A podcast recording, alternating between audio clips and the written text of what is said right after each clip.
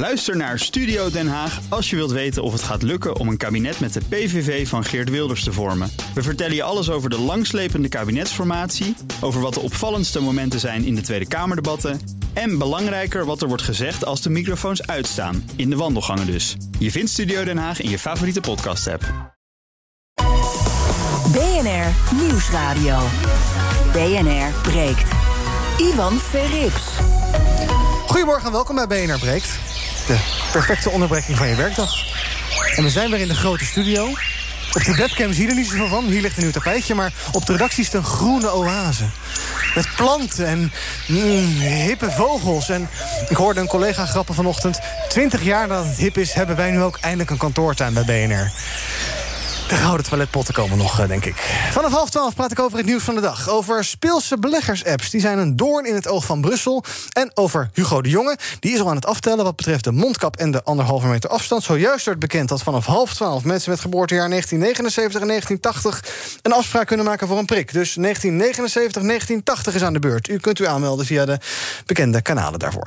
Ehm, dus het nieuws van de dag vanaf half twaalf. Het eerste half uur hebben we natuurlijk altijd ons breekijzer. Vandaag in mijn panel Pieter Lossi, die is adviseur van de VO Goedemorgen. Goedemorgen. En op afstand is Moenja Houari, oprichter van Groei IT. Goedemorgen, Moenja. Hey, hallo, goedemorgen. Ik ben bijna jaloers dat ik daar niet ben, als ik jou zo hoor. Met die, eh, met die, met die kantoortuin. Met die vogels en oase, ja.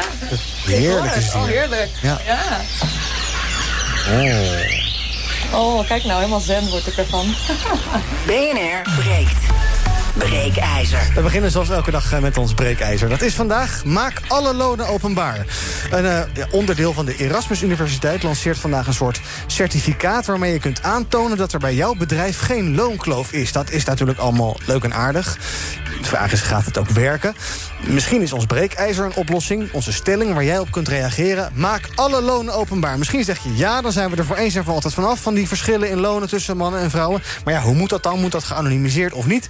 Um, of denk je nee, niet doen? Dan weet iedereen ook buiten het bedrijf wat je verdient. En dat is misschien slecht voor de concurrentiepositie. Je krijgt misschien scheve gezichten als blijkt dat oom Han 10k per maand verdient... en uh, nooit een rondje wil geven in de kroeg. Wat een gierige eikel is het toch. Wil je reageren? Pak je telefoon en bel nu 020 468 4x0 020 468 4x0. Ons breekijzer, dus onze stelling waar je op kunt reageren is... maak alle lonen openbaar. Daarvoor ook bij me is Elske Doets. Zij is eigenaar van Doetsreizen. Dan zou je denken, huh, Doetsreizen, we gaan het toch niet over reizen hebben? Nee, ze is hier ook een beetje in haar hoedanigheid... als oprichter van de Young Lady Business Academy. Goedemorgen, Elske. Goedemorgen. En dan ben ik ook wel benieuwd wat jij vindt van ja. ons breekijzer. Maak alle lonen openbaar, zeg het maar. Nou, dat vind ik geen goed idee. Uh, niet omdat ik uh, wil dat vrouwen en mannen, want daar gaat het om, uh, evenveel gaan verdienen. Maar ik zoek vooral naar een structurele oplossing. En ik vind dit weer een soort papieren tijger, symbolisch. wat ze ook twee jaar geleden in IJsland hebben ingevoerd. Uh, he, daar is dus een uh, gender uh, equal gender pay. He, dat is dus een wet geworden dat dat dus openbaar moet zijn. En dat blijkt dus in de praktijk gewoon geen verandering teweeg te brengen. En ik ben heel erg voor onderhandelen. Mm. En dat begint aan de keukentafel. Dat begint niet eens bij je baas of bij de afdeling HR. Maar dat begint echt eerst aan de keukentafel met een partner.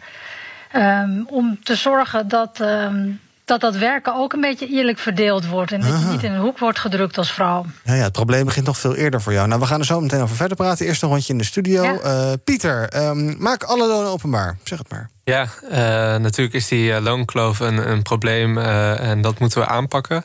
tegelijkertijd denk ik op deze wijze dat je heel erg overgaat op, op naming en shaming. en dat je juist ook bedrijven en instanties nog gesloten een kans zou moeten geven om die transitie naar een gelijkwaardige loonverdeling, nou, dat je dat, die ruimte moet creëren voor hen. Mm -hmm. Tegelijkertijd inderdaad denk ik ook dat het het gevoel van competentie in dit leven versterkt. Op het moment dat je al die lonen openbaar maakt. Uh, het gevoel dat je dit leven in die zin kan, kan winnen of verliezen. En ik denk niet dat je maatregelen zou moeten nemen om dan zeggen, uh, die versterken dat mensen altijd hunzelf aan, aan anderen uh, vergelijken. Maar wat wel zo is, is dat bijvoorbeeld publieke instanties ik denk dat het gerechtvaardigd is dat zij wel gaan overwegen om uh, wel iets meer van die openbaarheid te geven. Mm Al is het alleen al omdat uh, zij grotendeels natuurlijk ook gefinancierd worden vanuit belastinggeld. En het in die zin denk ik niet onredelijk is om daarvan te verwachten dat zij iets van uh, openheid geven. Ja, dus voor overheid wel, maar voor commerciële bedrijven zeg je ja, dat, uh, dat gaat Precies, neem dan stimulerende maatregelen. Bijvoorbeeld inderdaad uh, bij de gezinshuishouding, wat betreft bijvoorbeeld geboorteverlof, -huh. om inderdaad die structurele veranderingen in gang te zetten. Ja. En jij zegt naming en shaming krijg je dan, maar dat kan natuurlijk ook goed uitpakken, namelijk dat je de, de, de goede voorbeelden eruit ligt. Zeker. En daar kunnen misschien de wat slechtere voorbeelden zich weer aan optrekken en ook daarnaar wijzen van ja, maar zij doen het ook goed, dan kunnen wij het ook goed gaan. Ja, alleen het gevaar is denk ik dat het uh, op het moment dat deze naming en shaming zou gebeuren, dat het uh, eenmalig een keer een, een breekijzer zou zijn bij. Mm. BNR breekt mm -hmm. bijvoorbeeld. Uh, en dat oh, ja. ja. je echt die, die structurele, complexe uh, transitie die gemaakt moet worden voor die gelijke uh, loonwaardering, dat je die met een, een incidentele ophef niet oplost. Hm, Oké. Okay. Moenja, wil jij eens reageren op ons breekijzer? Maak alle lonen ja, openbaar. Zeker. Kom maar. Ja, ik ben helemaal voorstander, maar ja. daarbij wel de kanttekening. Het gaat niet de kloof tussen mannen en vrouwen kleiner maken. Maar wat ik nu al zie bij IT-bedrijven is als ik binnenkom, dan hangt er netjes op de muur de salarissen van iedereen. Oh. Zeker bij de moderne bedrijven, ook met de CEO. Dan kan je gewoon zien wie verdient wat. Mm -hmm. Ik vind dat goed voor de cultuur. En daarbij zie ik ook dat de nieuwe generatie die net op de werkvloer komt... niet zo geheimzinnig is over loon als dat wij dat zijn. En dat ze echt op de centen na precies van elkaar weten wie wat verdient. En ik vind dat helemaal niet erg. Ik vind dat we daar heel transparant en open in mogen zijn. Maar ik vind niet de oplossing om de kloof tussen vrouwen en mannen op te lossen. Oh. En je zegt bij uh, al die IT-bedrijven waar je komt... hangt er dus aan de muur gewoon met naam en al? De, de, de, de, ja, de met full naam package. en al. Ik was oh. laatst uh, bij een klant de full package van de CEO tot aan de schoonmaakster hangt precies wie heeft welk, uh, ja, welk bedrag per maand uitgekeerd. En dat is eigenlijk alleen maar om die transparantie en open cultuur uh, te stimuleren. En ook van elkaar te begrijpen waarom de een nou meer verdient dan de ander. Ja. Omdat dat vaak gaat over kwaliteit. En niet omdat uh, de ene ja, een man is en de andere een vrouw. Dat is ja. natuurlijk onzin. Dat er op basis daarvan beloond wordt. Ja, maar een oplossing voor het onderliggende probleem vind je het niet. Wil je reageren op ons breekijzer? Maak alle lonen openbaar. Pak dan nu je telefoon en bel 020 468 4 keer 0 Ook superleuk om in de zon te doen, te bellen naar BNR. Dan kun je nog een tijdje meeluisteren via de radio en dan kom je in de uitzending. 020 468 4 keer 0 Annette Dekker, goedemorgen. Oh. Oh, wat gebeurt er? Rij je de vangrail in? Hallo? Hallo? Oh, jeetje, gaat iets fout hoor. Nou, je klinkt goed hoor. Je klinkt helder. Horen jullie mij? Ja, hoor je mij ook? Het zijn een beetje de teamsgesprekken die ik meestal heb. Je microfoon staat toch uit? Hallo, horen jullie mij? Annette? Horen jullie niet. Annette? Wacht even. Het is een onderhandelingstactiek. Nou, laten, laten we Annette even de telefoon zoeken. Dan gaan we het zo meteen nog een keertje proberen. Um, uh, uh, ja, uh, Elske, ik hoorde Moenja zeggen... bij het bedrijf waar ik kom hangt alles netjes aan de muur. wij zijn gewoon allemaal hele, hele oude bedrijven. Allemaal ouderwetse bedrijven. Ja, maar goed, um, kijk, dan komt, uh, komt zij weer met een argument van kwaliteit is het enige dat telt. Dat heb ik ook al heel vaak gehoord. Dat roept onze minister-president ook altijd als hij die vrouwelijke ministers niet kan vinden. Ja. Dus ja, dat, dat vind ik ook een. Uh, ja, wat ook weer identificeren van, van dingen. Ik denk dat het gewoon ontzettend belangrijk is um, dat. Um, die loonkloof, want misschien wel even goed om te schetsen hoe, hoe, het werkelijk zit. Dat heb ik vanochtend nog even opgezocht. Als je gewoon naar de platte cijfers kijkt, um, is er dus een loonkloof van 38 procent. En op het moment dat je dus uh, weghaalt, omdat er heel veel vrouwen in Nederland parttime werken, wordt dat 14 procent. Mm -hmm. En als je gaat kijken naar uh, lonen, dan is dus uh, zeg maar een uurloon van 30 loon, uh, euro, dat is dan zeg maar de, de, het eikpunt. uurlonen die eronder zitten, daarbij is er geen gender pay gap. Okay. Alleen het probleem is dat heel veel vrouwen die banen doen. Hè. Moelia riep net ook dat openbaar is wat de schoonmaakster verdient. Mm -hmm. want ja, dat zijn dus helaas heel vaak vrouwen. Ja. Um, ja. uh, als je boven die 30 euro komt, dan is de vrouw onevenredig ondervertegenwoordigd. En daar zit nu precies ja, die gender pay gap. En um, ja. dat is ook waar vrouwen afhaken en ook vaak minder gaan werken op het moment dat ze kinderen krijgen. En um, ja, daar is het gewoon echt zaak dat vrouwen gaan, uh, alle vrouwen, hè, ik vind dat dat heel Nederland moet leren onderhandelen. Mm.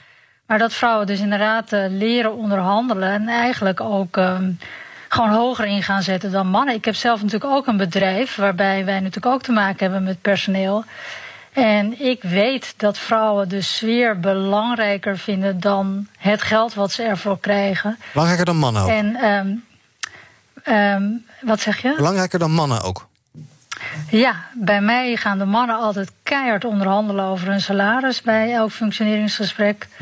En de vrouwen die zijn, zijn blij met een goede sfeer en ehm, werk waar ze blij van worden. Dus dat betekent dat ze, ja, als je als werkgever denkt van nou, eh, ik vind het allemaal prima. En eh, als die vrouwen blij zijn met de sfeer, dan hoef ik ze niet meer te betalen. Eh, maar dat je dus als werkgever daarin wel heel erg proactief moet zijn. En dat ben ik dus zelf over. Want ik ga dus niet dan dat laten zitten omdat ik denk, nou dat is gunstig voor mijn portemonnee. Ik vind dat dat gelijk moet zijn. En ik vind ook dat je als werkgever eh, daar gewoon ook heel ehm, ja, helder in moet zijn. En dan is het misschien prachtig zoals dat bij IT-bedrijven gaat. Maar belangrijk is om bij mensen het verschil te maken. Zodat ze zichzelf bewust zijn dat ze zich op, op 10-0 achter zetten. Want je moet ook nadenken over je toekomst. Eh, als jij 65 bent en met pensioen gaat, Ik ga het zo nog even dan met heb je heel veel, Annette. heb je heel veel geld minder als vrouw. Ja, ik snap het. Ik ga zo nog even met eh, Annette proberen of we er eh, nog te pakken krijgen. En Marta hangt ook, die hoor je zo. Maar ik geloof dat Moenja staat te popelen om te reageren. Ja, ik wilde een eigen ervaring delen. Toen ik HR-directeur werd, ging ik met de CEO onderhandelen. Want ik vond dat ik veel meer geld moest krijgen. En dan is onderhandelen heel belangrijk, wat Elske zegt. Helemaal mee eens. Maar ik merkte wel, het ging echt hard tegen hard. We hebben toen echt vier, vijf keer eh, eh, nou, sessies gehad, discussies gehad. Want hij vond dat ik het niet moest krijgen en ik wel. Op een gegeven moment kwam ik met feiten van de markt. Waarom ik vind dat ik meer moet krijgen. En op een gegeven moment zei hij... Ja, maar dat salaris wat je hebt gevonden is voor mannen, niet voor vrouwen. En toen zei ik, pardon, zeg jij nou dat vrouwen minder horen te verdienen dan mannen? Nou, die man werd knalrood, die CEO. En daarna was het ook gelijk geregeld. Ja. En toen dacht ik wel... Andere vrouwen waren al lang al afgehaakt. Want het was echt hard tegen hard. Het kostte mij op een gegeven moment ook energie. Ik wilde op een gegeven moment zeggen: van, Weet je wat, laat maar. Uh, dus aan de ene kant eens dat je moet onderhandelen. Maar aan de andere kant vind ik ook: het is ook zijn verantwoordelijkheid om dan te zeggen: van ja, je hebt gelijk. Uh, want ja, ik kan me ook voorstellen dat de gemiddelde vrouw na een paar keer denkt: ja, laat dan maar. Weet je, Ja. als je een paar keer nee hoort. Ja, maar als ze er al niet aan beginnen, energie. dan. Kijk, Ja. zoals, zoals ik merk dat vrouwen er niet eens aan beginnen aan dat gesprek te voeren, dan zet je jezelf al enorm achter. En onderhandelen gaat niet alleen maar over hè, eh, het gelijk krijgen, eigenlijk samen uitvinden waarin je elkaar kan vinden. En dat doe je dan heel goed door middel van feiten. Oké, ik ga nog een paar bellers proberen. Annette, eh, de herkansing. Goedemorgen. Ja, goedemorgen. Hoor je mij? Zeker. Oh, gelukkig. Ja, ik was op plaats van bestemming, doe mijn, mijn auto uit en dat valt weg. Ja, dat. Eh, ik wil even reageren, want ik zit al 40 jaar in het mooiste vak eh, op aarde, en dat is het kappersvak. Ja. En ik denk dat, eh, dat ze daar een voorbeeld aan kunnen geven, want daar is nog nooit sprake geweest over ongelijke betaling voor ma- man of vrouwen. Ja, is gewoon één salaris, of je nou je man bent of vrouw. We gaan nu naar het genderneutrale gebeuren allemaal toe. Bij mij staat ook geen MV meer op de deur, maar MVX. Mhm. Dus bij mij is het zo logisch als wat dat mannen net zoveel verdienen als vrouwen. En andersom, bij mij betalen mannen ook eh, hetzelfde als vrouwen. Ik vind ook ach- zo achterlijk dat de kapper voor de mannen goedkoper zou zijn dan de vrouwen. Ze, verdienen meer, maar ze betalen minder. Ja. Hoe raar is dat? Ja, ja, Dus ja. ik ben niet voor openheid van salaris, want dat is toch iets wat, je, wat als Nederlander toch wel een beetje gevoelig ligt. Mhm. Maar ik vind wel, het onderhandelen hoeft niet, moet niet nodig hoeven zijn. Het moet al logisch zijn dat het gewoon neutraal is en dat iedereen, ongeacht eh, eh, gender, gewoon hetzelfde verdient. Nou, ga ik zo bespreken met mijn panelleden en eh, met Elske. Dankjewel, Annette. Marta, goedemorgen. Hoi, goedemorgen. Zeg het maar. Eh, ja, ik vind de, de stelling eh, ergens een klein beetje achterhaald. Heel veel lonen die zijn toch al openbaar, want die staan toch gewoon in een CAO. Ja, ik denk het ook. Want ik, ja, ik, ik, eh, ik zit dan in, in loondienst en eh, ik mag er toch vooruit gaan dat ik hetzelfde verdien als mijn mannelijke collega's. Ja, dat zou misschien wel zo moeten zijn. Alleen zou het kunnen zijn dat jij wat eh, lager in je schaal zit dan een, eh, een mannelijke collega. En Nee, want ik werk er ondertussen al een aantal jaar. En in het begin klopt dat dat je wat lagere schaal hebt. Mhm. Maar als je er een aantal jaar werkt, elk jaar schrijf je een schaaltje op. Ja. En uiteindelijk, eh, na zeven jaar geloof ik, zit je allemaal op hetzelfde niveau. Ja, dus voor jouw gevoel is er eigenlijk helemaal geen loonkloof. Mm, Nee, nee, niet direct in, in mijn werk. Oh. Misschien eh, inderdaad bij de, de ZZP'ers en mensen die moeten onderhandelen. Mhm. Maar bij mij persoonlijk niet. Nou, ga ik, je, ga ik zo eens voorleggen nog. En Rijk, goedemorgen. Hé, hé, eindelijk een man. Ja, goedemorgen. Ik ben natuurlijk voorstander van dat iedereen gelijk betaald krijgt. Dat, hè? Ja. Ik mag niet anders zeggen dan dat. Ja hoor, mag wel. Als jij zegt dat vrouwen minder betaald moeten krijgen... oh, weg is die rijk. Nou, dat ligt aan mij, denk ik. Lijn is weg. Ehm, ik hoorde net twee mensen, eh, iemand die in de kappersbranche werkte... en iemand anders die zei, ja, ik heb gewoon een CAO-loon. Ehm, eh, eh, Elske, er, er is eigenlijk helemaal niet echt een loonkloof... want je kan gewoon in de CAO, bij- bijvoorbeeld ook bij BNR... kan je zien wat men... Oh, daar is Rijk weer. Wacht, ik ga hem gelijk opnemen. Ja, Rijk, goedemorgen, zeg het maar. Ja, met Rijk nogmaals. Herkansing. Kom maar, ja hoor. Ja, nee, ik, het, iedereen moet natuurlijk ehm, betaald krijgen naar wat hij moet verdienen. Maar stel, ik verdien 20% meer dan mijn mannelijke collega. Gaan we ook alle mannen omhoog of alleen de vrouwen? Het is natuurlijk complexer dan dat. En ik vind onderhandelen over mijn salaris misschien wat leukst wat er is. Want dat is voor mij een teken waar ik op word gewaardeerd. Maar stel een vrouwelijke collega vindt dat minder, die vindt vrijheid en flexibiliteit makkelijk en mag daardoor meer thuiswerken. Het is complexer en breder dan dat. En we schetsen het nu af alleen maar op het financiële plaatje, wat natuurlijk heel belangrijk is. Maar persoonlijk kan het voor mensen verschil hebben wat het belangrijkste is en een drijfveer is. Ja, duidelijk. Dankjewel voor het bellen. Ehm eh, Elske, wat ik een paar, paar mensen hoorde zeggen... Bij, bij de kappers, bij ons is er helemaal geen loonkloof. En iemand anders die zei, ik heb toch gewoon een CO... en er staat er toch gewoon in. Wat is het nou voor gekkigheid? Ja, nou ja, dat is een goede basis inderdaad. Want je kan ook, zelfs als je geen CAO hebt, kan je dat ook opzoeken. Hè, wat eh, vergelijkbare mensen in een vergelijkbare functie en regio eh, verdienen. Dat zijn je peers. En inderdaad, rijk. Mooie naam trouwens, hè, want rijk onderhandelen, dat is ook waar ik voor pleit. Dat je inderdaad verder gaat kijken dan alleen maar dat eindbedrag. Dat je ook gaat kijken wat, eh, wat zijn de primaire voorwaarden en wat zijn de secundaire voorwaarden. En dat bij elkaar maakt dat je inderdaad een bedrag hebt. Want uiteindelijk gaat het toch om het bedrag wat je natuurlijk gestort krijgt, gewoon gaan vragen. En ehm, ja, dan, dan is het misschien nog wel een truc voor vrouwen. Want er, er is gewoon wel een gender pay gap. Om gewoon, gewoon veel meer te vragen. Om ook eh, gewoon een beetje te gaan bluffen. Ja, gewoon harder spelen. Ja. ja. Ehm, wil je reageren nog in de laatste minuutjes van dit half uur? Dan kan je nu je telefoon pakken en bellen naar 020 468 4x0. 020 468 4x0. Ons breekijzer, onze stelling waar jij op kunt reageren is... maak alle lonen openbaar. Ehm, in een van de kranten ehm, eh, stond vanochtend eh, een reactie van het College voor de Rechten van de Mens. Die zeiden, ja, er komen eigenlijk verbazingwekkend weinig klachten hierover binnen... over ongelijke beloning. Ook eh, bij vakbond FNV, daar kloppen maar weinig vragen aan... met een klacht over ongelijke betaling. Pieter, is het dan eigenlijk misschien niet zo'n groot probleem... en maken we er hier een probleem van, maar nou ja, ervaren we het niet als een probleem... of is het geen probleem? Nou, ik denk als je gewoon naar de, naar de nationale cijfers kijkt, dat het degelijk een probleem is, maar dat dat wel inderdaad eh, complexe roots heeft. En dat dat niet met één eh, simpele maatregel te verhelpen is. En daarbij moet je ook kijken naar zo'n maatregel, wat de neveneffecten zijn. Ik bedoel, we weten dat eh, databedrijven het nieuwe goud in handen hebben. Eh, op het moment dat je ook van alle Nederlanders eh, salaris openbaar maakt, publiceert, eh, kan je je ook afvragen of dat niet indruist tegen privacy van mensen. eh, en ook niet een nieuw verdienmodel wordt voor eh, zulke databedrijven. Ja. En daarnaast doet het me ook denken, ik, ben, eh, ik kom niet heel lang geleden van de, van de middelbare school af. En eh, dan kreeg je altijd cijfers natuurlijk. En sommige docenten kozen ervoor om die gewoon individueel toe te reiken. En sommige docenten kozen ervoor om die klassikaal van iedereen te benoemen. Ja. Eh, en in dat eerste geval eh, zag ik mijn cijfer en wist ik wat ik zelf moest doen, verbeteren om naar een voldoende te gaan. En in dat tweede geval zag je dat sommige mensen een onvoldoende hadden en een paar slimme koppen een negen bijvoorbeeld. En je dan het gevoel kreeg dat die zes, waar ik als individu oorspronkelijk blij mee zou zijn, eigenlijk niet als goed genoeg voelde. Ja. Eh, en dat is denk ik ook dus een gevaar wat bestaat op het moment dat je al die salarissen eh, eh, generiek eh, openbaar maakt. Ja, op uh, klas doorzet, lekker geanonimiseerd. Matthijs, goedemorgen. Matthijs, Ja, dat ben ik. goedemorgen, zeg het maar. Goedemorgen. Ehm, ik had een vraag. Zou het eh, de loonkloof verholpen kunnen worden als eh, iedereen gewoon gelijk betaald zou krijgen en niet meer man of vrouw op zou geven, maar gewoon aan zou geven hoe lang ervaring je hebt en tot je daarop gebaseerd een loonverhoging krijgt of niet? Ja, dus eigenlijk dat je, dat je naam niet meer meespeelt. Dat het niet meer meespeelt wie je bent. Maar dat het gewoon ja, gebaseerd Ja. is op... Hell no.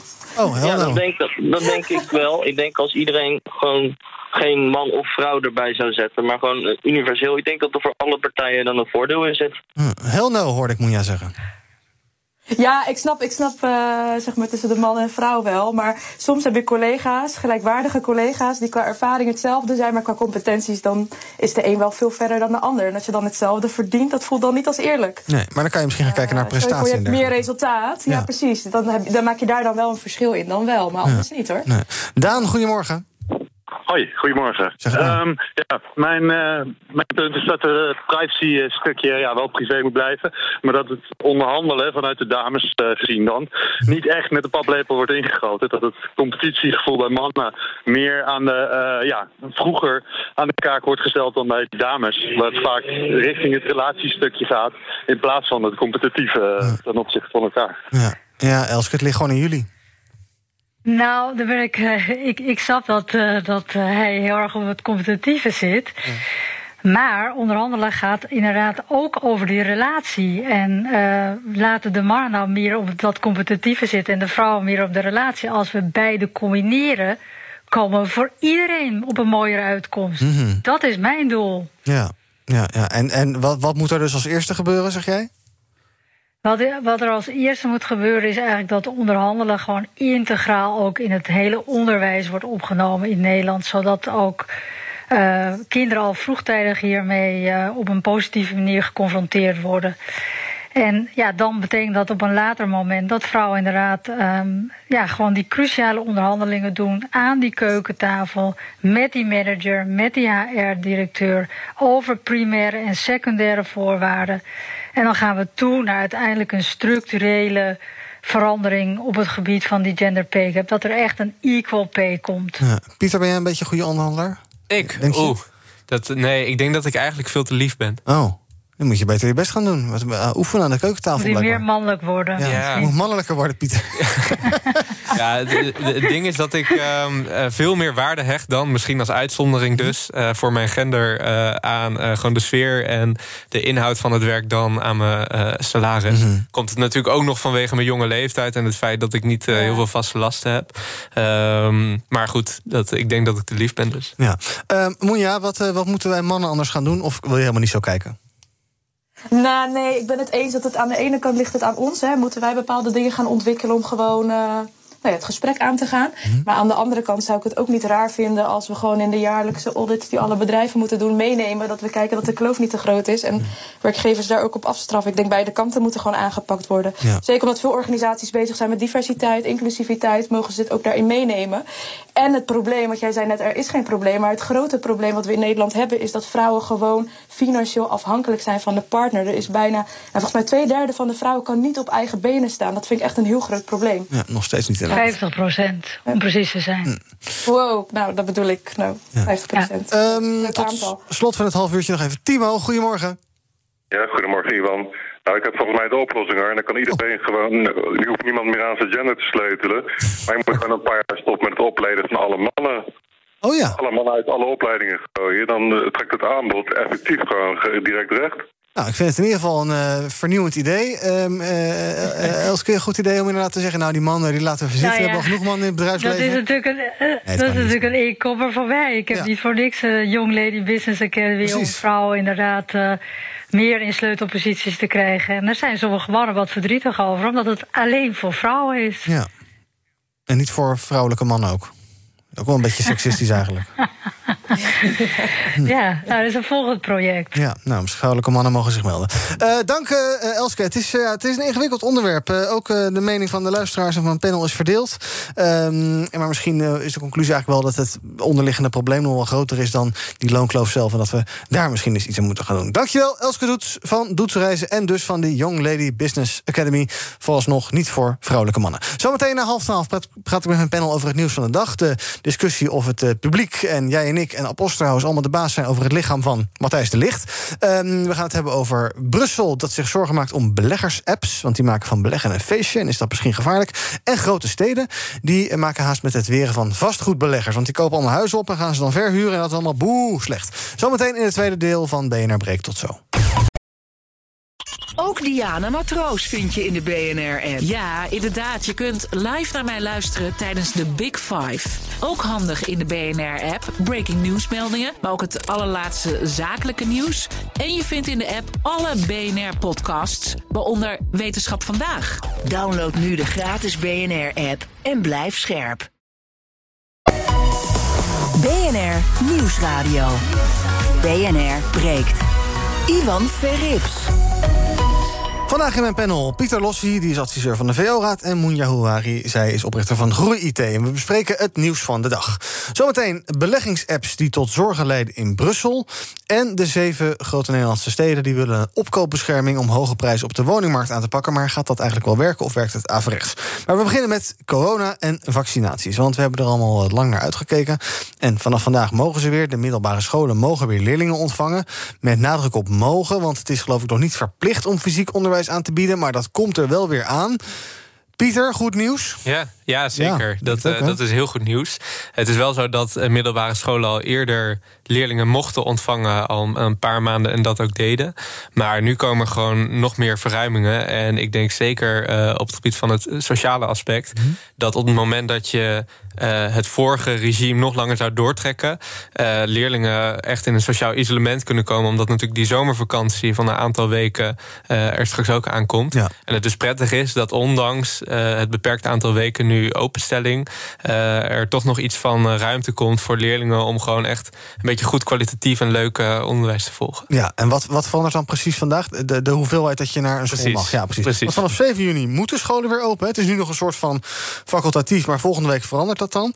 Um, ook hoeven leerlingen dan onderwijs geen afstand meer te houden. Onderwijspersoneel moet dat wel. Het is, wel is, het, is het daarmee een beetje weer terug bij normaal of niet? Um, nou ja, wel qua uh, puur coronamaatregelen. Mm. Feit is wel dat natuurlijk het, het onderwijs inhoudelijk gezien uh, ontzettend veranderd is. Ook door uh, de, de coronacrisis. En ik denk dat het belangrijk is om samen met die leerlingen te gaan kijken. wat is er veranderd? Hoe, zijn jullie, hoe is jullie persoonlijke ontwikkeling veranderd? Maar ook wat kunnen we nu aan het onderwijs in de toekomst doen? Doen om misschien ook juist sommige goede aspecten of nieuwe aspecten van het onderwijs uit coronatijd door te trekken naar de toekomst. Ja.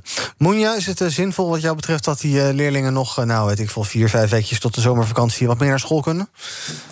Ja, in eerste instantie was ik wel sceptisch, maar ik moet je eerlijk uh, vertellen dat ik het denk ik wel heel fijn vind. Juist -hmm. om het juist ja, op deze manier af te sluiten. We gaan toch weer de zomer in, hebben elkaar nog even gezien. En de laatste weken voelt dan denk ik wat meer als normaal. Ja. Dus uh, nee hoor, helemaal prima. Ik denk dat iedereen een beetje klaar is met thuis zijn. Ja. Dus, ja, want ik kan me ook herinneren dat je in het verleden bij deze uitzending af en toe ook nog wel eens een beetje sceptisch was daarover. Uh, uh, ja, ik was sceptisch ja. over het feit, het was met mijn kleine kinderen, dat de scholen gingen open en toen weer dicht en toen ja. weer open en toen weer dicht. En toen dacht ik, ja, uh, laat ze gewoon open en kijk het gewoon een langere tijd aan. Maar goed, nu als, ik verwacht niet dat ze nu binnen vier, weken weer dicht gaan. Nee. Dan is het toch de zomervakantie. Ja. Maar het ging meer over de onzekerheid en het steeds terugtrekken en terugdraaien van uh, een maatregel. Daar zit mijn frustratie met name. Ja. En maak je dan nog zorgen om het afschaffen van die anderhalve meter? Want een besmetting is dan misschien iets dichterbij. Aan de andere kant, de cijfers liggen nee, nu zo laag. Niet. Ja, nou ja, goh. ja, helemaal niet. Ik was zelf zaterdag op een feestje en de negen mensen waren al gevaccineerd van Ja. team. Dus toen dacht ik ook bij mezelf, het voelt weer als soort van normaal. Ja. Wat is jouw geboortejaar? Ja. 91. Oh, je moet nog even wachten. Ja, net ik ben als denk ik volgende week of zo aan de beurt. Aan de andere kant, wij zijn veel sneller aan de beurt. Want Pieter die is uh, 2001. Ja, dat bestaat ook. Oh mijn god. Ja. Uh, onderwijspersoneel wordt geadviseerd om twee keer per week preventief uh, te zelftesten. Zou dat misschien niet ook een advies voor leerlingen moeten zijn, uh, Pieter? Om, om dan toch eventueligheden eruit te halen, positieve mensen? Ja, naar mijn beste weten is dat ook een advies okay. voor leerlingen. Dus ik hoop dat voldoende leerlingen dat opvolgen. En kijk, ik, ik vind het tegelijkertijd uh, tegelijkertijd zou je natuurlijk kunnen zeggen... ja, de kans bestaat op, op meer coronabesmettingen. Uh, maar met inderdaad die, die randvoorwaarden van bijvoorbeeld dat testen... inclusief dat leerlingen natuurlijk uh, toch niet het gevoelig zijn... in deze samenleving voor dat virus. Ja. Dat zij ook spoedig eerste vruchten plukken van het feit... dat die cijfers weer goed gaan. volgens mij is dat niet meer dan gerechtvaardigd. En hoop ik ook dat het mooie weer maakt. Dat bijvoorbeeld ook gewoon onderwijs buiten... heel veel scholen hebben bijvoorbeeld velden uh, om te sporten. Uh, ja, uh, ga leuke activiteiten ondernemen. Ook een beetje genieten van, van het leven. Ja, en opa en oma kunnen toch niet meer ziek worden, dus dat is mooi. Uh, ander goed nieuws was er gisteren bij Hugo de Jonge op televisie. Ehm, alle volwassenen kunnen, zei hij, voor 1 september gevaccineerd zijn. En hij bleek in een prima bui, want hij zei ook dit. Uh, en, en, wanneer dat moment komt dat je ook daadwerkelijk kunt zeggen... nu laten we de anderhalve meter los. Dat kan ik op dit moment nog niet zo heel goed inschatten. Dat heeft alles te maken met de vaccinatiegraad. Hoe hoog mogelijk, mm-hmm. zo hoog mogelijk. Dus als we dan inderdaad allemaal gevaccineerd zijn... Ja, dan lukt het ook echt om die maatregelen los te laten. En dan kunnen we daar ook echt gerust op zijn... dat dat, dat, dat ons geen vierde golf oplevert. Dus in een mooi, goed, positief scenario zijn wij per 1 september af van alle maatregelen, inclusief de mondkapjes, inclusief het afstand houden. Ik denk dat dat een heel reëel perspectief is. Moenja, als ik Hugo de Jong hoor, denk ik altijd: oh god, het zal toch wel goed gaan. Uh, eind vorige week hadden we nog uh, tegenvallers als het gaat om Jansen, uh, de aanlevering van dat vaccin. Hoe luister jij naar zijn toch wel positieve woorden? de, de, de, ja, het is fijn dat hij het zegt, maar als je het baseert op feiten, hij blijkt vaak geen gelijk te hebben. Nee. Dus of we het helemaal serieus moeten nemen, dat denk ik niet. Kijk, met vaccineren gaat het wel goed. Dus ik kan me goed voorstellen dat het dan uh, inderdaad zo is. Maar ik merk wel, ik weet niet hoe dat bij jullie is, maar in mijn systeem. Uh, wen je wel aan die anderhalve meter en aan het feit dat je mensen geen hand mag geven. Dus ik denk dat het ook een beetje wennen voor onszelf is. Dat we zo meteen weer bij elkaar in de buurt mogen komen. En elkaar ineens weer een hand mogen geven. Ja, Pieter, wat denk jij? jullie is, maar... Uh... Ja? Uh, ja, en bijvoorbeeld ook mondkapjes op een supermarkt. Ik denk ja. altijd denk heel erg van... Ja, daar ben ik nog steeds niet aan gewend, hoor. Oh, nou, ik, ik, ik denk... vergeet ook altijd mijn mondkapje na een jaar. oh, okay. ja. ja. Hoe is dat voor jou, Pieter? Ja, hetzelfde. En het is vaak zo dat ik ga, ga, hardlopen... en dan op de tussenweg langs een Jumbo kom... om even wat drinken te halen. Maar ja, uh, meermaals vergeet ik mijn mondkapje. En is dat problematisch. Wat ik ook problematisch vond, is dat ik nu geen jaartal van Hugo de Jonge hoorde. 1 september uh, mogen dingen weer open en zo. Mhm. Ik ben ja, uh, vrij sceptisch dat dat. Uh, 2023? ja, bijvoorbeeld. Okay, ja. Wie weet, wie weet. Nee, maar het is mooi dat er wel iets van, van een stip aan de horizon gelegd wordt. maar inderdaad, valse hoop hebben in het verleden meegemaakt, is niet heel veel beter. Nee. Dan moeten we nog even hebben over vaccinatiegate binnen het Nederlands elftal. Dat zich voorbereidt op het EK voetbal. Matthijs de Licht die zei afgelopen vrijdag het volgende bij ESPN. Eh, e ik heb, uh, ik heb geen vaccinatie genomen. Um, ik, uh, ja, het was niet verplicht. En het was sowieso ook lastig met het, met het reizen, hoe, wat, ja, wanneer we gaan nemen. Maar ja, ik, wat ik zeg, ik vind dat je je baas moet zijn over je eigen lichaam. En uiteindelijk, zolang het niet verplicht is, moet je, moet je zelf de keuze kunnen hebben om het wel of niet te doen. En ja, die keuze heb ik gemaakt. Ja, 1999 is zijn geboortejaar. Nog dezelfde dag stelde hij zijn mening bij. Via Twitter en Instagram liet weten dat hij eh, eigenlijk niet duidelijk is geweest in zijn interview. Ik vond het namelijk duidelijk, maar dat, uh, later schreef hij dus om alle twijfel weg te nemen. Ik ben absoluut voorstander van een COVID-19-vaccin en ik zal die zo snel mogelijk nemen. Um, Moenja, is dit nou. Uh, kijk, uh, Matthijs de Licht is natuurlijk vrij om te doen wat hij wil. We hebben geen vaccinatieplicht in Nederland. Maar ik denk dat de druk toch wel een beetje hoog werd. Ik denk, uh, ja, precies. Ik denk dat het komt natuurlijk door zijn voorbeeldrol. Ik begrijp hem wel en hij heeft ook gelijk. Weet je, als je het niet wil doen, moet je het niet doen. Mm -hmm. Alleen in zijn, in, met zijn rol is het natuurlijk niet tactisch om dat op die manier te zeggen. Nee. zeker als je een voorbeeld bent en zoveel mensen je volgen. Dus ik denk dat hij met heel veel druk toch even terug is gekomen om zijn statement. Maar in principe, wat hij zegt, ja, ethisch gezien en wettelijk gezien, hij wel gelijk. Als hij het niet wil doen, moet hij het niet doen. Het hoeft niet. Ja, ik snap wel dat het. Het hoeft niet, maar ik snap wel dat hij uh, een voorbeeld heeft en een voorbeeldrol. En dat niet zomaar op die manier mag zeggen. Ja, hoe weeg jij dat af, Pieter? Want ik zou ook een beetje denken, ja, want hij is er licht, moet het lekker zelf weten. Maar ja, hij wordt nu eigenlijk een beetje gedwongen door de samenleving om uh, wel een prik te nemen. Ja. Of kunnen wij dat wel van hem eisen met z'n allen? Uh, nee, dat vind ik niet. Eigenlijk precies wat al gezegd is. Ehm, hij heeft die vrijheid en die moet hij vooral ook nemen. Maar hij moet wel nadenken over zijn rol. En ik zat toevallig te kijken op zijn Instagram-kanaal. Waarin hij ook ooit een post had gezet van ik ga niet uh, vaccineren, want ik ben baas over mijn eigen lichaam. Mm -hmm. En dan zie je daaronder in de, eh, daaronder in de comments echt nou, honderden jongeren zeggen: Oh, goed bezig en mm -hmm. verstandig. En ik snap dat wel. dus inderdaad, je moet wel nadenken over vanuit zijn positie wat voor domino-effect dat eventueel teweeg kan brengen. Ja, en het is ook geloof ik zo dat hoe lager we in de leeftijden komen, hoe groter het aantal weigeraars wordt. Want mensen denken van ja, joh, ik ben gezond, ik ben ergens eind 20. Het zal mijn tijd wel duren, maar opa en oma zijn ingeënt. Wat voor welke boodschap heb je voor die mensen, Moenja? Doe het. ja? Met social media en uh, ja, al die conspiracy theory lezen. En doe het gewoon, joh. Ja. Um, uh, uh, en bijvoorbeeld ook, we hebben ook de Spelen binnenkort. Daar ben je geloof ik wel verplicht om je te vaccineren als je mee wil doen. Anders zijn ja. er geen Spelen. Kan dat eigenlijk wel? Het, het, ik vind het wel heftig hoor. Dat is dan wel weer heel krom. Ja, we horen Waarom toch. daar dan weer wel. Precies, en we horen toch steeds dat vaccineren is vrijwillig, soort of. Um, maar ja, je wordt toch wel gewoon. Ja, Matthijs de Licht die voelt zich misschien een beetje gedwongen. Op te spelen word je dus gedwongen.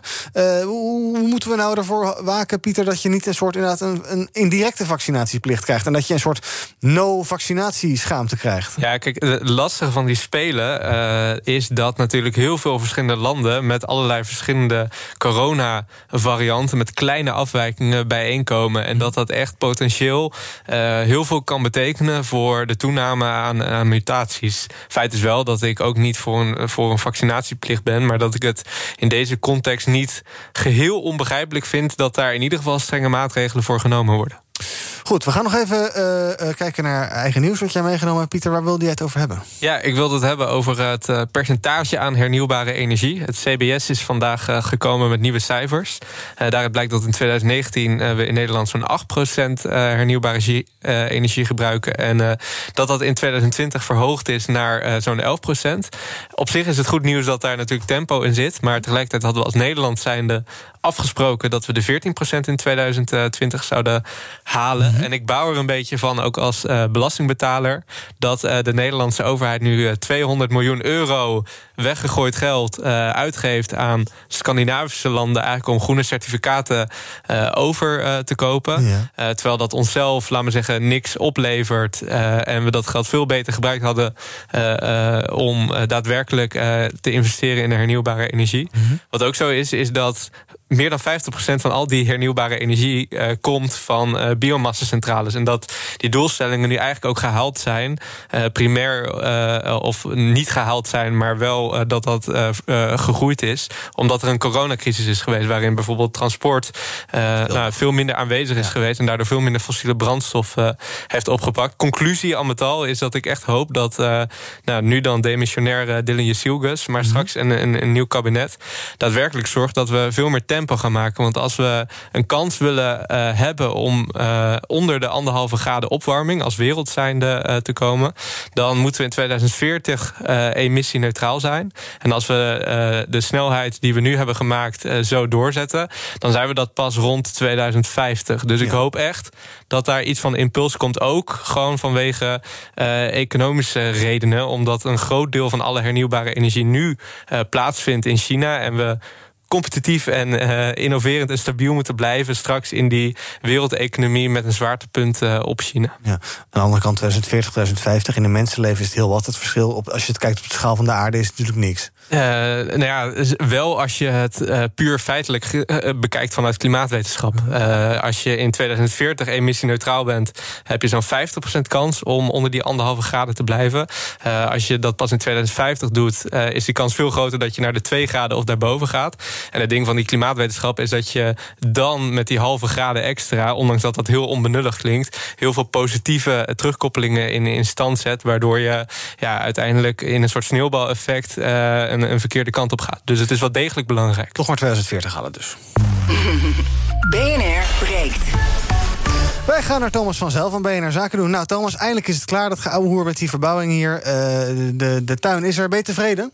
Zeer tevreden. Ik ja. zit nog steeds wel in mijn kleine hokje jou en de rest van de ja. mensen toe te spreken. Maar goed, waarom daar, is dat? Want je bent hier gewoon welkom, hoor. Nou, waarom is dat? Omdat er volgens mij maar drie microfoons in de grote studio zijn. Ja, maar en ik, heb maar één gast hier. Oh, ja, jammer. Je nou, mag nog hierheen komen als ja, je wil. Wil je dat kom graag? Ja, kom maar. Nou, prima. Nou, kom Thomas even hierheen. Doe het gewoon even hier. Want ik vind het een beetje ongezellig dat hij... Uh, dat hij kan, kan, kan ik hem ook even aankijken? Ja, daar gaat de deur open. Ja, kom verder, Thomas. Veel gezelliger hier. Ja, dynamisch gedoe hier. Ja. hey, wat ga jij zo meteen doen om uh, nou, 12 ik uur? hoorde net uh, de discussie over uh, de aandelen duurzame energie, dat die te wensen overlaten. Ik begin de uitzending zo meteen met de plannen voor een grote elektrische waterkoker van Vattenfall, die misschien in de plaats komt van die omstreden biomassa-centrale. De CFO komt te toelichten waarom dat een goed idee is, maar waarom er ook nog wel wat haren in de soep zitten. Dus wat dat betreft een mooie aansluiting op wat jullie net bespraken. Dan Jos Baten, hij is de topman van ASR, bekende grote verzekeraar. hebben ook een roerig coronajaar achter de rug. Zijn er financieel redelijk goed doorgekomen, maar ze waarschuwen wel voor ziekteverzuim. Psychische klachten. Uh, het lijkt tot nu toe allemaal mee te vallen, maar de uiteindelijke impact van corona, ook voor verzekeraars, dat is nog even afwachten. Dus daar gaat het over. En het economenpanel is er ook over. Bedrijven uh, misschien net in het zicht van de haven nog failliet laten gaan of niet. Het CPB heeft daar rapporten over geschreven. Wij hebben zeer verstandige economen in de studio. Dat gaat goed komen. Veel gezelliger hier. Ik denk het wel. Ik weet ook niet te verstaan ben. Want die gele ja, plopkap die de mensen oh, wel kennen. Ja, juist veel duidelijker. Oh, het is veel duidelijker. Ja. Nou, tot nu toe uh, Zometeen allemaal voorspoedig. Over twaalf minuutjes zaken doen met Thomas. BNR breekt. Uh, we gaan nog even kijken naar uh, ander nieuws van vandaag. Uh, in het FD een artikel. Beleggen lijkt steeds meer een spelletje. Brokers die lokken je naar hun apps door geen commissie te rekenen. Belonen je met confetti-regens. Dat gaat dan meer om ja, het feestelijke karakter dat al die apps hebben. Opmars van flitsende beleggingsappjes leidt nu tot zorgen in Brussel. Want de vrees is dat particulieren een poot wordt uitgedraaid, schrijft de krant. nou dacht ik, Moenja, dat beleggen altijd iets was voor grijze oude witte mannen in pakken. Ja. En ik bedoel, daar was je als dertiger toch nooit mee bezig. Maar nu zijn er blijkbaar ook allemaal 16, 16-jarige jongens en meisjes die in joggingbroeken Ja, lopen te beleggen met appjes. Is dat een zorgelijke ontwikkeling? Nou ja, ik zie het de hele dag op Instagram. Eh, allemaal van die mensen die eh, nou ja, dan gesponsord content hebben over volgende training bij mij, over beleggen. Download deze app over beleggen. Het lijkt allemaal heel eh, laagdrempelig en voor iedereen toegankelijk. Ik heb me er zelf nog niet in verdiept, maar ik zie het wel heel veel voorbij komen. Ja. Dus ik weet niet of het een hype is, maar ik denk dat heel veel mensen, vooral de jongere generatie, denkt: Nou, dat is interessant voor mij, snel geld maken. En vervolgens kost het je heel veel geld. En, Ja. Nou ja, levert je er geen hol op. Bij het FD hebben ze dus een brief in handen van Eurocommissaris Mary McGuinness. Het is een Ier, dus ik weet nooit hoe je dat uitspreekt. Maar eh, daaruit blijkt dat de Europese Commissie financiële toezichthouders vraagt om nu onderzoek te doen naar die appjes. Dus dan gaat het bijvoorbeeld in Nederland om dingen als Bux en Blocks en Libertex. En die maken ook inderdaad allemaal, allemaal veel reclame. Eh, is het goed, eh, Pieter, dat, we, dat daar eens kritisch naar wordt gekeken over de snelle opkomst van deze hippe beleggingsappjes? Waarom Ja. mogen die jongeren niet gewoon meedoen in de vaart der volkeren? Nou, dat zou juist moeten mogen. Ik denk op zich dat die democratisering van dat eh, beleggingsapparaat dat dat eh, positief is. Eh, maar als je ze vervolgens laat participeren onder valse voorwaarden, dat dat voor niemand een, een feest is. En ik moet ook, als ik naar mezelf kijk, zie ik inderdaad echt op mijn Twitter-tijdlijn, maar ook op Instagram, zoveel advertenties inderdaad van zulke brokers die allemaal mooie verhalen vertellen ehm, en je ook meetrekken in bepaalde hypes, wat natuurlijk zeker in de cryptocurrency-markt, bijvoorbeeld laatst nog rondom eh, Eh, ontzettend groot is. Dat inderdaad het volgens mij verstandig is dat zo'n Europese Unie eh, sommige jongeren in die zin in bescherming neemt en zorgt dat die voorwaarden dus wel goed zijn. Ja, want het onderzoek richt zich ook bijvoorbeeld op eh, allerlei verborgen kosten voor particuliere beleggers. Hè. Die appjes die, eh, die adverteren dan met dat zij transactiekostenvrij zijn en Ja. dergelijke. Eh, zou je ook zeggen, Moenja, van ja, dat beleggen het is misschien wel goed als het een beetje saai is en degelijk. In plaats van dat je inderdaad Nee, letterlijk, letterlijk confetti krijgt in apps. ja, oké, ja. Nee, misleiding mag gewoon niet, punt. En al helemaal niet bij, eh, bij jongere generatie. Nee. Dus ik vind het goed dat daarop gehandhaafd Ja, wordt. maar dat beleggen, Maar dat wat, wat, wat meer een soort spelletje lijkt... met inderdaad ja, een beetje de gamification ervan... en, de, en, de, en inderdaad de, de visuele at- attractiviteit. Eh, daarvan zeg je ook eh, op zich allemaal best... als het maar wel eh, aan de Ja, haak prima is. joh. ja. Ja, tuurlijk. Weg Nou. met die grijze mannen die denken dat alles van hun is. Kijk, daar hebben we weer een quote voor de promo binnen. We blijven nog even in de beleggershoek. Grote steden die maken haast met het weren van vastgoedbeleggers. Heel ander soort beleggers. Ehm, met die eh, eh, zogenoemde opkoopbescherming... kunnen steden de komende vijf jaar fors ingrijpen... om de krapte en extreem hoge prijs op de woningmarkt aan te pakken. Maar die beleggers die zijn natuurlijk boos. De maatregel zou volgens hen geen structurele oplossing zijn... voor het huizentekort. En, opvallend, ook de Nederlandse bank staat aan hun kant. Ik begrijp de achtergrond van die wet heel goed. Maar het zal er niet toe leiden dat er opeens veel meer huurwoningen komen in die vrije sector. Dus dat probleem los je er niet mee op. Je maakt het probleem misschien alleen maar groter. Maar dat wil niet zeggen dat je dan niks wil doen aan wat dan die malafide praktijken worden genoemd. Ja, dat zegt Olaf Slijpen, die is eh, directeur bij DNB, eerder hier op eh, BNR.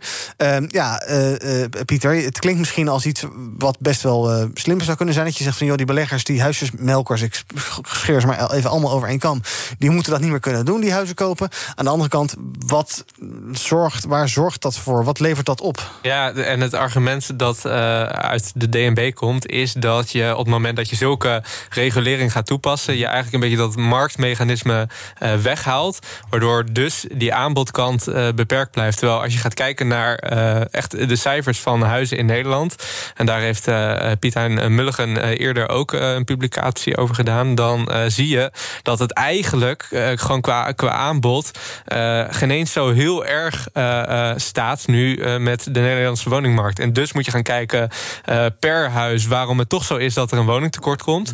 Eh, en volgens mij kun je dan alleen maar tot de conclusie komen dat er juist te weinig regulatie plaatsvindt. Eh, en dat eh, ja, fictief al die huizenprijzen omhoog worden gestuurd. Terwijl er eh, reëel gezien eh, op zich niet onvoldoende huizen voor veel Nederlanders zouden zijn. En dus dat je een keer een einde moet maken aan dat marktmechanisme.